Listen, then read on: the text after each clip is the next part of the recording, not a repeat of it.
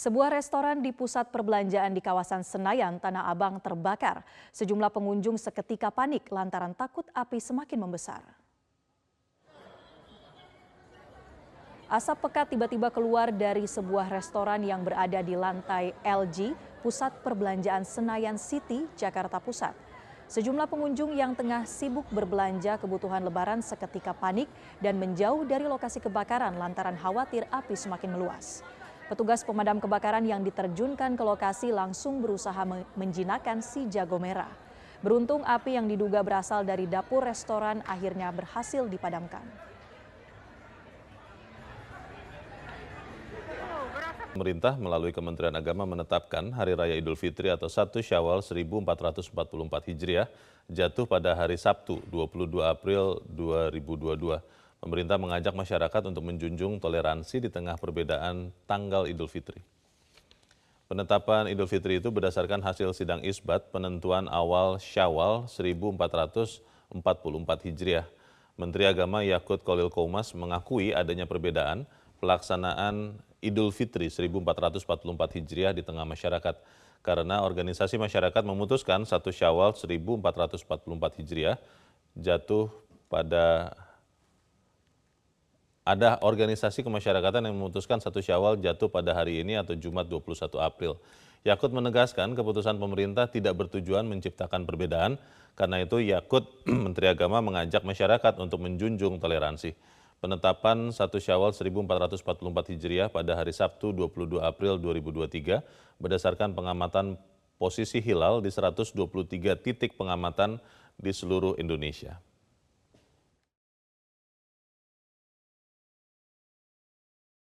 Karena itu berdasarkan hisap posisi hilal seluruh Indonesia sudah di atas ufuk dan tidak memenuhi kriteria MABIMS baru serta ketiadaan laporan melihat hilal. Tadi sidang isbat secara mufakat telah menetapkan satu Sawal 1444 Hijriah jatuh pada hari Sabtu tanggal 22 April 2023 Masehi Wakil Presiden Republik Indonesia Maruf Amin mengungkapkan perbedaan penentuan satu syawal sudah berlangsung lama. Hingga kini belum ada metode yang sama untuk menentukan satu syawal sehingga perbedaan yang ada tidak menjadi persoalan. Wapres meyakini sikap legowo dan toleransi sudah ada di masyarakat Indonesia. Malam Jumat itu dikira-kira itu belum imkan ru'yah. Karena itu diperkirakan istiqmal namanya, disempurnakan 30 hari. Ya karena 30 hari puasanya maka jatuhnya sesabtu. Sedangkan Muhammadiyah karena sudah di atas ufuk walaupun belum dua derajat dia masuk. Nah ini sudah lama diupayakan untuk bisa bertemu. Tapi belum ketemu metode yang bisa menyatukan. Oleh karena itu maka yang ditempuh adalah adanya sikap bisa toleransi antara dua kelompok ini untuk masing-masing ya lebaran sesuai dengan keyakinannya, dengan hitungannya. Jadi bahasa Jawanya legowo lah. Dan itu sudah kita lakukan bertahun-tahun. Dulu pertama memang agak konflik sedikit yang antara metode ini ribut. Tapi belakangan tidak. Karena kita terus sosialisasi, edukasi, sekarang rukun-rukun saja. Sambil terus mencari metode untuk bisa mempertemukan dua metode ini, Imkanur Ru'ya dan Wujudul Hilal. Pemirsa ribuan pemudik berbagai tujuan memadati pelabuhan Makassar Jumat dini hari. Umumnya penumpang merupakan pemudik yang akan pulang kampung dengan tujuan Surabaya, Jawa Timur. KM Sinabung yang berlayar dari Bau-Bau ini sebelumnya tertunda dua hari untuk masuk ke Pelabuhan Makassar dari jadwal semestinya. Akibatnya para pemudik menumpuk di pelabuhan dan menginap selama dua hari. Antrean dan desak-desakan pun terjadi saat ribuan pemudik yang turun dari kapal bertemu dengan penumpang yang akan menaiki kapal di tempat pemeriksaan tiket.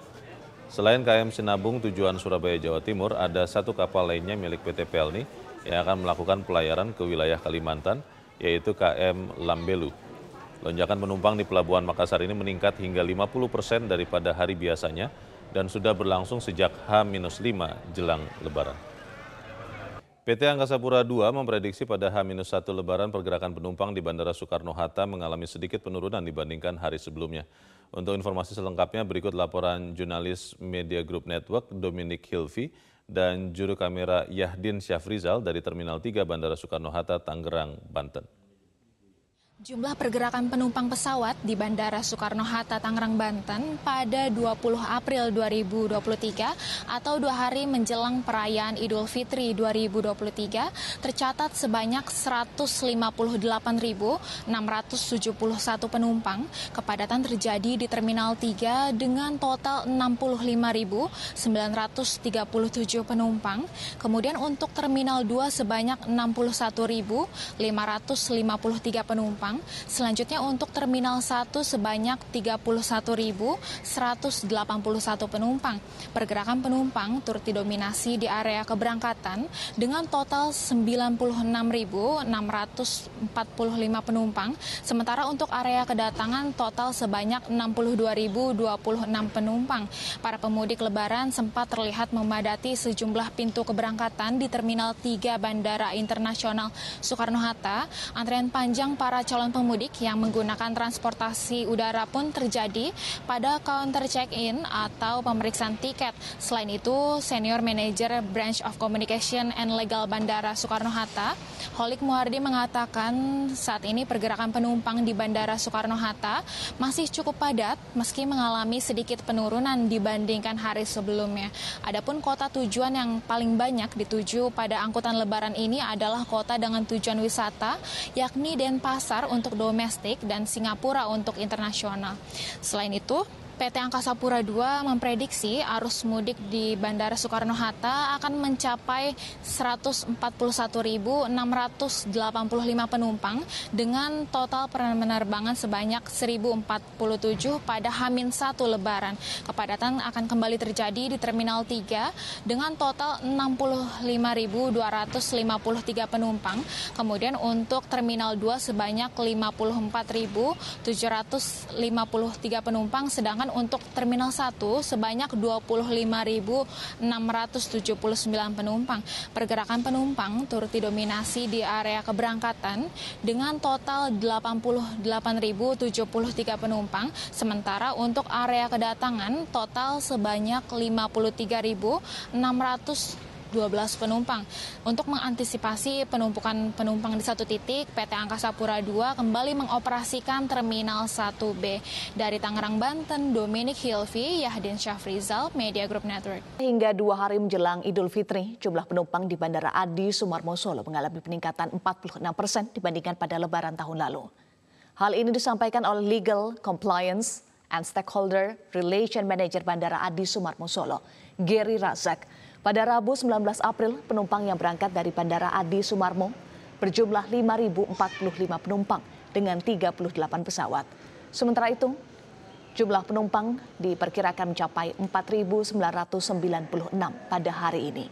Secara rekapitulasi, jumlah penumpang mudik lebaran tahun ini mencapai 20.618 penumpang atau naik 46 persen dibandingkan lebaran tahun lalu. Total pesawat yang melayani arus mudik berjumlah 163 pesawat atau naik 36 persen dibandingkan lebaran sebelumnya.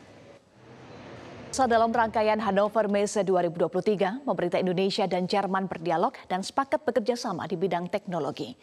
Hal ini disampaikan Dirjen Informasi dan Komunikasi Publik Kementerian Kominfo, Usman Kansong. Komunikasi kedua negara di Hannover Messe merupakan tindak lanjut pertemuan Menteri Kominfo dan Menteri Digital dan Transport dan transportasi dan transportasi Jerman di forum G20 tahun lalu.